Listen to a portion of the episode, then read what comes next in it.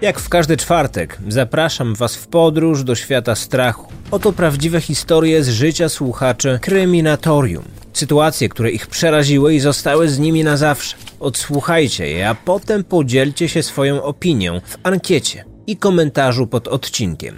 Strach Story. Zło czai się wszędzie. Sezon pierwszy. Odcinek ósmy. Odpinany kaptur. Historia nadesłana przez Natalię. Do zdarzeń doszło w listopadzie w 2022 roku. Miejsce akcji? Skrzyszów. Powiat Tarnowski, województwo małopolskie. Pochodzę ze Skrzyszowa. To mała miejscowość, nie ma tu sklepów, więc na zakupy jeździmy do większego miasta. Nie mam prawa jazdy, dlatego korzystam z komunikacji publicznej lub chodzę na piechotę. Zazwyczaj dostaję od mamy listę zakupów i po weekendowych zajęciach idę na zakupy do galerii. Galeria jest około 4 km od mojej szkoły. Droga zajmuje mi niecałą godzinę. Jestem fanką kryminalnych historii, ale nigdy nie bałam się chodzić sama po mieście, nawet po zmroku. Tej soboty jednak wszystko się zmieniło. Po zajęciach, jak zwykle, ruszyłam przez osiedle w stronę galerii. Słuchałam muzyki i myślałam o zakupach. Czułam jednak lekki niepokój. Wydawało mi się, że ktoś mnie obserwuje. Odwróciłam się i zobaczyłam mężczyznę, który opierał się o tablicę rozkładu autobusowego i patrzył na mnie. Miał naciągniętą czapkę, prawie na oczy, twarz bez emocji. Poczułam się nieswojo, ale uznałam, że pewnie jego uwagę zwróciła jakaś rzecz za mną, lub po prostu, tak jak ja, zamyślił się. Szłam dalej i szybko zapomniałam o tym dziwnym mężczyźnie. Kiedy przeszłam już osiedle i znalazłam się na szpitalnym parkingu, zauważyłam, że ten podejrzany typ idzie kilka metrów za mną. Przyspieszyłam nieco kroku i stwierdziłam, że zmienię trasę i skorzystam ze skrótu, który znało niewiele osób. Pomyślałam, że ten mężczyzna pewnie też go nie zna i dzięki temu uda mi się go zgubić. Niestety, ku mojej rozpaczy dalej szedł za mną. Był jakieś dwa metry dalej, a mi z nerwów już szumiało w głowie. Odwróciłam się szybko, mając nadzieję, że typ magicznie zniknie i nikogo za mną nie będzie. Niestety, cały czas mnie śledził. Popatrzyłam na niego, a on przystanął i serdecznie się uśmiechnął. Zaczęłam biec. Cały czas słyszałam za sobą jego ciężkie kroki. Uciekałam ze łzami w oczach. Choć biegłam przez osiedle bloków, czułam, jakby nie było tam ani jednej żywej duszy. Zdawałam sobie sprawę, że robiło się już ciemno i pewnie nawet nikt nie zwróci na mnie uwagi. Po chwili poczułam szarpnięcie za kaptur. Miałam szczęście, że był zapinany na napy. Kaptur został w ręce mężczyzny, a ja pobiegłam dalej. Udało mi się cudem wbiec do sklepu. Zziajana wzięłam koszyk i udawałam, że robię zakupy. Przez dobre 10 minut patrzyłam, jak mężczyzna kręci się po parkingu. To było najdłuższe 10 minut w moim życiu. Widziałam tylko, jak zaciskał pięść i gdzieś dzwonił. Nie przyszło mi wtedy do głowy, żeby kogoś zawiadomić o tym zdarzeniu. Siedziałam w sklepie co najmniej pół godziny. Mężczyzna najwyraźniej odpuścił i zniknął. Roztrzęsiona zadzwoniłam po swojego tatę i opowiedziałam mu, co mi się przytrafiło. Znaleźliśmy mój kaptur w krzakach, cały brudny i poszarpany. Dopiero drugiego dnia zgłosiliśmy sytuację na policję, ale do dziś niczego nie wyjaśniono. Mam wrażenie, że nie zostałam potraktowana poważnie. Kiedy myślę o tym dniu, cieszę się, że ubrałam wtedy tę kurtkę. Wygląda na to, że odpinany kaptur mnie uratował. Wydaje mi się, że ten mężczyzna mógł planować porwanie. Strach Story. Posłuchaj o tym, czego nie chcesz doświadczyć. Bez twarzy. Historia nadesłana przez słuchaczkę, która chce pozostać anonimowa. Do zdarzenia doszło latem w 2012 roku. Miejsce akcji Opole. Kiedy niedawno usłyszałam Twój podcast, w którym zachęcasz, by słuchacze opisali swoje straszne doświadczenia, od razu przypomniało mi się jedno wydarzenie z mojego życia. Miało to miejsce ponad 11 lat temu, a ja do dziś na samo wspomnienie mam ciarki na całym ciele. Przeprowadziłem się na studia do Opola. To miasto studenckie, stąd ceny mieszkań są tam dość wysokie. Wspólnie ze znajomymi zdecydowaliśmy, że wynajmiemy coś poza centrum. Udało nam się znaleźć odpowiednie mieszkanie. Cena przystępna, ładna okolica, sklepy pod nosem, nic tylko się cieszyć. Jedynym minusem była odległość od centrum. Piechotą około 30 minut, a autobusem podobnie, ze względu na korki. Latem drogę z domu na uczelnię w centrum pokonywałam pieszo. Uznałam, że po co tracić czas w zatłoczonym autobusie, skoro mogę się przespacerować i przy okazji dotlenić. Chodziłam tą trasą setki razy. Po drodze był szpital psychiatryczny, a po drugiej stronie szpitala ogródki działkowe. Jak można sobie wyobrazić, nie mijałam w tym miejscu zbyt wielu przechodniów. Mimo to niczego się tam nie bałam, a że chodząc tamtędy mogłam zaoszczędzić kilka minut, chętnie wybierałam te opcje. Często wracałam koło szpitala, nawet po wieczornych spotkaniach w mieście. Jednak pewnego dnia wszystko się zmieniło. Było lato, piękna pogoda. Umówiłam się ze znajomymi w centrum miasta o 18. W lipcu o tej godzinie jest jeszcze jasno. Pamiętam, że miałam na sobie zwiewną letnią sukienkę. Zabrałam też słuchawki, żeby umilić sobie spacer do miasta. Po kilku minutach dotarłam na wspomnianą drogę przy ogródkach działkowych. Na początku nic nie zwróciło mojej uwagi. Gdy zaczęłam się zbliżać do miejsca, które było bardziej zalesione, zauważyłam czyjąś sylwetkę. Pomyślałam, że to ktoś z ogródków działkowych, ale na pewno nie spodziewałam się tego, co miało nastąpić za chwilę. W pewnym momencie, kiedy miałam już minąć tę tajemniczą postać, zauważyłam, że to mężczyzna. Zaczął iść w moim kierunku. Spojrzałam na niego i osłupiałam. Miał zasłoniętą twarz i się onanizował. W pierwszej chwili odskoczyłam niemal na ulicę. Mężczyzna na szczęście pozostał w bezruchu. Myśli, jakie wtedy mną targały, są nie do opisania. Swoją drogą to niesamowite, jak nasz mózg działa w sytuacjach zagrożenia życia i jak szybko jesteśmy w stanie przetrawić informację, która do nas dociera. A to wszystko po to, by tylko przetrwać. Odruchowo chciałam przebiec na drugą stronę ulicy, ale było to zbyt ryzykowne. Ponieważ była to droga szybkiego ruchu, mogłoby się to skończyć tragicznie. Niemal w tej samej sekundzie zaczęłam się rozglądać, czy nie ma nikogo innego w pobliżu. Zorientowałam się, że byłam sama, więc jedyną opcją była ucieczka przed siebie, ile sił w nogach. Tak zrobiłam. Nie wiem jak długo biegłam, chyba aż do pierwszych świateł, gdzie byli już inni ludzie. Pamiętam, że na pierwszym zielonym świetle nie byłam w stanie przejść. Cała się trzęsłam. Dopiero po chwili ruszyłam przed siebie. Po dotarciu na miejsce opowiedziałam znajomym o tym, co mi się przytrafiło. Stwierdziłam, że już nigdy nie pójdę tamtą ścieżką. Ktoś może powiedzieć, że przesadzam, że przecież nic takiego się nie wydarzyło. Dla mnie to było straszne przeżycie. Najbardziej przeraziło mnie to, w jaki sposób ten mężczyzna był ubrany. On był w stu procentach przygotowany na to, co chciał zrobić. To było zaplanowane. Miał na głowie jakąś płachtę bądź szalik, ponieważ kompletnie nie mogłem zobaczyć, jak wygląda.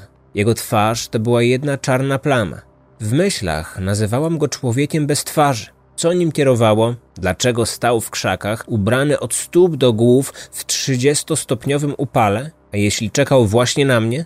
Skoro chodziłam tamtędy codziennie, mógł mnie obserwować i uświadomiłam sobie, że gdyby chciał, to bez najmniejszego problemu mógłby zrobić mi krzywdę. W promieniu kilkuset metrów nie ma nic prócz szpitala i ogródków. To jedno wydarzenie sprawiło, że później nie czułam się bezpiecznie. Przestałam wychodzić sama po zmroku.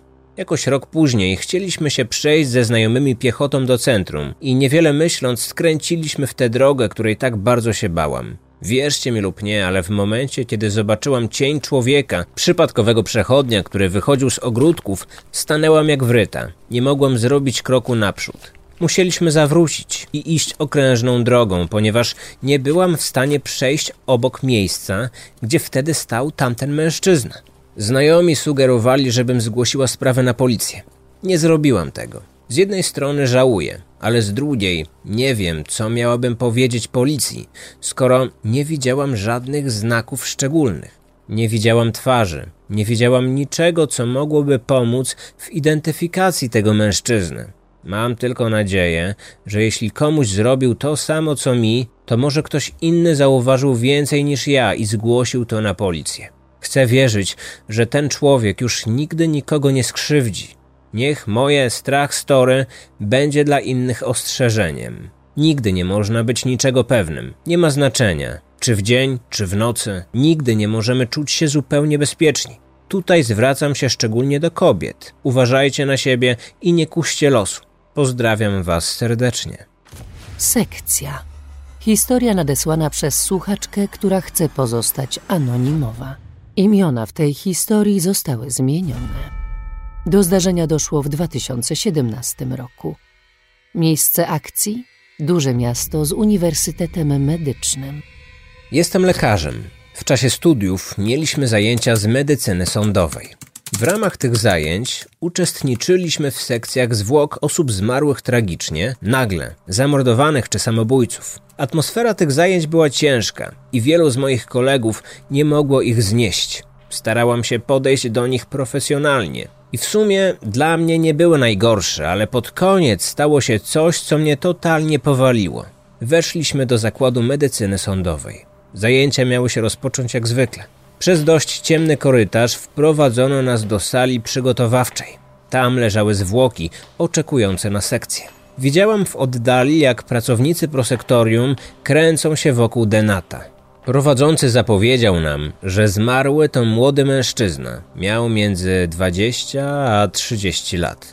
Tego ranka prawdopodobnie skoczył pod rozpędzony pociąg i odebrał sobie życie. W pewnym momencie stanęłam na wprost stołu i gdy tylko zobaczyłam zwłoki, osunęłam się i niemal straciłam przytomność. Zmarły leżący na stole miał straszne obrażenia. Twarz ciężko było rozpoznać, ale fryzura, wzrost, postura przypominały mojego bliskiego kolegę. O Boże, Konrad! wyszeptałam. Musiałam na chwilę odejść na bok i usiąść. Nie wiedziałam, co robić. Z jednej strony chciałam zadzwonić do kolegi i upewnić się, że wszystko w porządku, ale co miałam zrobić, jeśli odbierze telefon? Było mi głupio powiedzieć, że myślałam, że nie żyje. Prowadzący zajęcia zobaczył, co się stało i podał nam imię zmarłego chłopaka. Poinformował nas, że został zidentyfikowany. Na szczęście nie był to mój znajomy. Resztę zajęć myślałam tylko o Konradzie. Przez kolejne kilka miesięcy, zawsze kiedy go spotykałam, przypominały mi się tamte zajęcia. To zdecydowanie była jedna z najbardziej wstrząsających sytuacji, jakich doświadczyłam.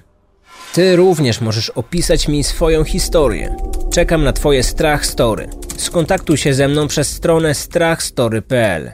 Twoje wspomnienia mogą zainteresować innych, a być może z Twojej historii ktoś inny wyciągnie ważne wnioski. Biały dostawczak. Historia nadesłana przez Magdę. Do zdarzenia doszło w 2000 roku. Miejsce akcji Dobiegniew, województwo lubuskie.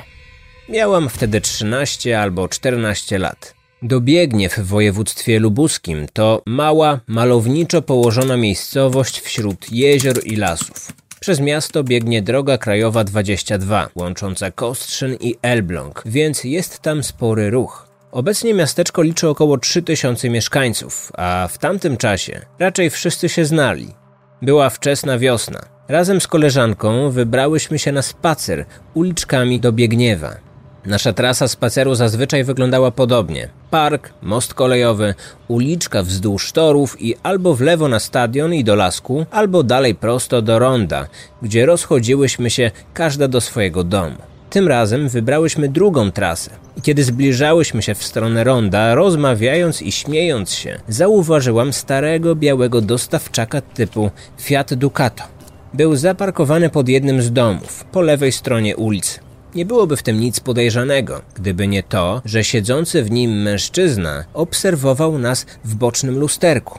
Miałam wtedy przeczucie, że coś jest nie tak. Już jako trzynastolatka interesowałam się sprawami kryminalnymi i przez to zawsze bacznie obserwowałam otoczenie. Szłam i rozmawiałam z koleżanką, jak gdyby nigdy nic, a jednocześnie cały czas przyglądałam się dostawczakowi i tworzyłam w głowie plan awaryjny. Analizowałam, gdzie w razie czego możemy uciec, jak biegną uliczki, gdzie będzie więcej ludzi. Gdy zbliżałyśmy się do małego kościółka, Powiedziałam koleżance, że ten samochód jest podejrzany i że mężczyzna w nim obserwuje nas od jakiegoś czasu. Moja koleżanka kompletnie nie zwróciła na to uwagi, dlatego kazałam jej zachowywać się normalnie, żeby nie wzbudzać podejrzeń.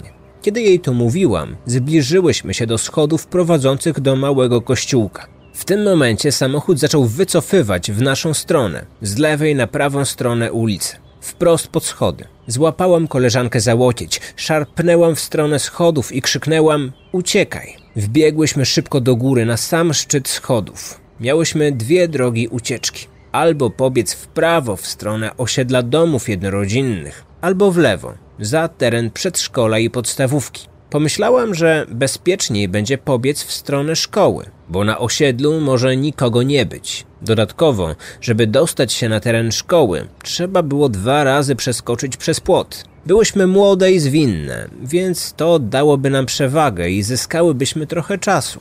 Krzyknęłam do koleżanki: Przez płot! Przeskoczyłyśmy przez płot, a potem przebiegłyśmy do kolejnego płotu. Wdrapałyśmy się na niego i już byłyśmy na boisku do piłki. Dopiero wtedy miałam odwagę się odwrócić i zobaczyć, czy nas gonią. I gonił, ale przy drugim płocie już sobie odpuścił.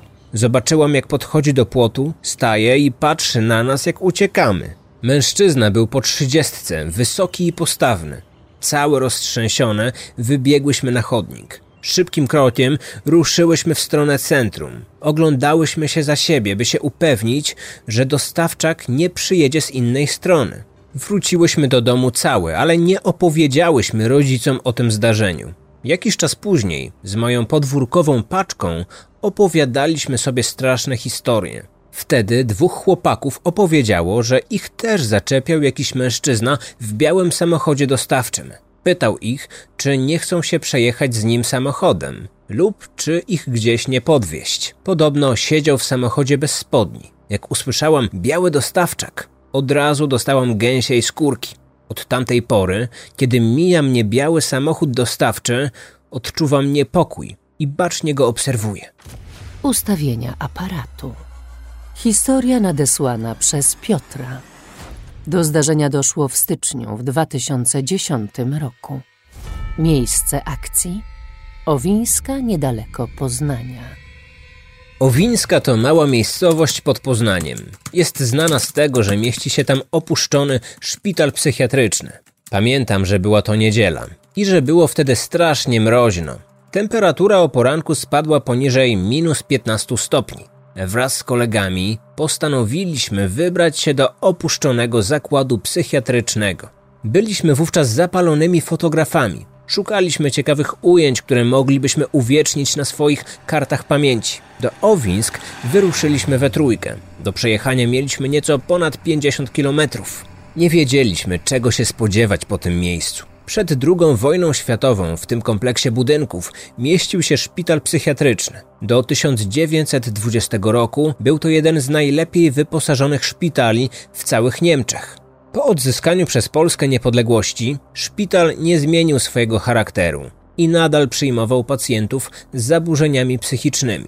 Na początku II wojny światowej przebywało tam jeszcze około tysiąca chorych. W połowie października 1939 roku naziści zaczęli wywozić stamtąd ludzi i mordować ich w Forcie VII w Poznaniu. Trwało to aż do końca listopada. Po wojnie szpital został przekształcony w zakład wychowawczy, który działał do 1993 roku. Dotarliśmy na miejsce około 8 rano. Mróz wydawał się nieco lżejszy, pomimo że termometr wskazywał wciąż 10 stopni poniżej zera. Być może za sprawą porannego słońca, które przebijało się powoli na niebie. Była totalna cisza, a cały teren szpitala pokryty był śniegiem. Zignorowaliśmy tablice informujące o zakazie wstępu oraz grożących za to karach finansowych i weszliśmy na teren szpitala.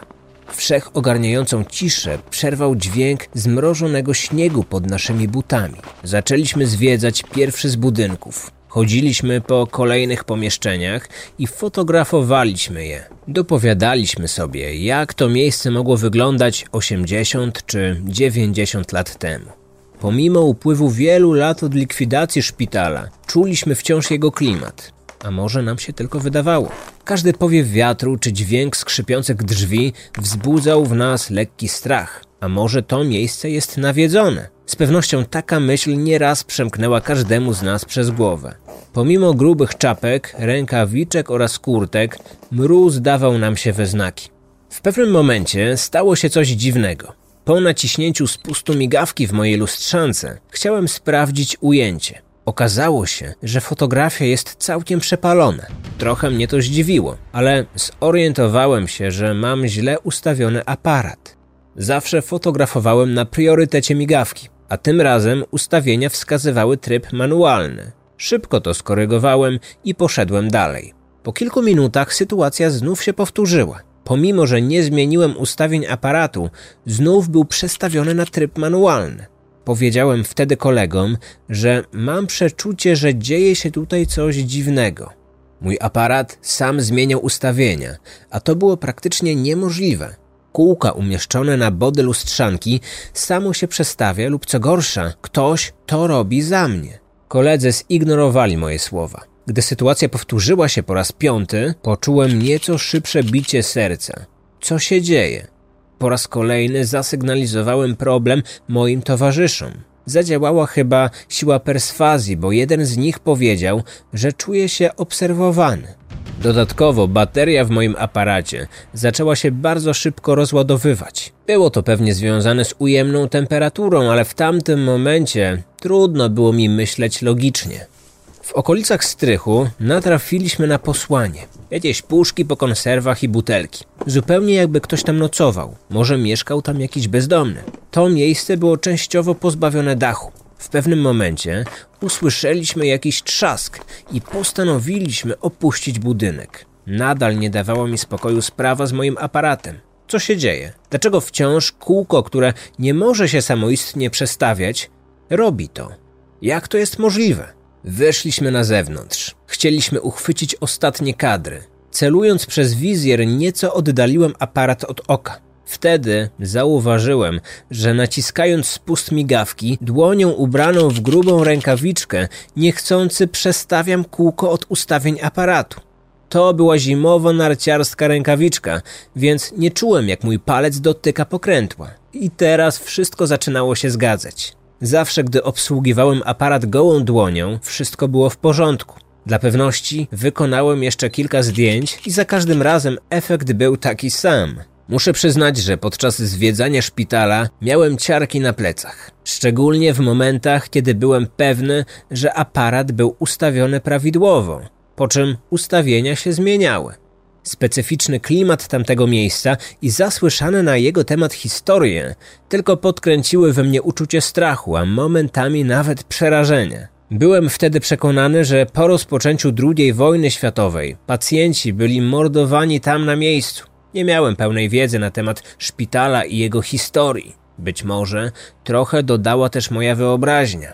To przydarzyło mi się kilkanaście lat temu i do dziś na wspomnienie tej wycieczki przechodzą mnie dreszcze, a fotografie z tamtej wyprawy wciąż gdzieś tkwią na dyskach. Na nowy odcinek Strach Story zapraszam w każdy czwartek. Jeżeli dotrwałeś, dotrwałaś do tego momentu, mogę przypuszczać, że tego typu historie Cię interesują. Dlatego będę Ci bardzo wdzięczny za wystawienie oceny dla tego podcastu w serwisie Spotify lub w każdej innej aplikacji, na której słuchasz. Obserwacje, subskrypcje, oceny, ogólnie Twoje zaangażowanie pomaga w pozycjonowaniu tych treści. Z góry dziękuję. Do usłyszenia w czwartek. Historie przedstawione w tym podcaście pochodzą od słuchaczy, a twórca podcastu polega na zapewnieniach słuchaczy o ich oryginalności oraz rzetelności.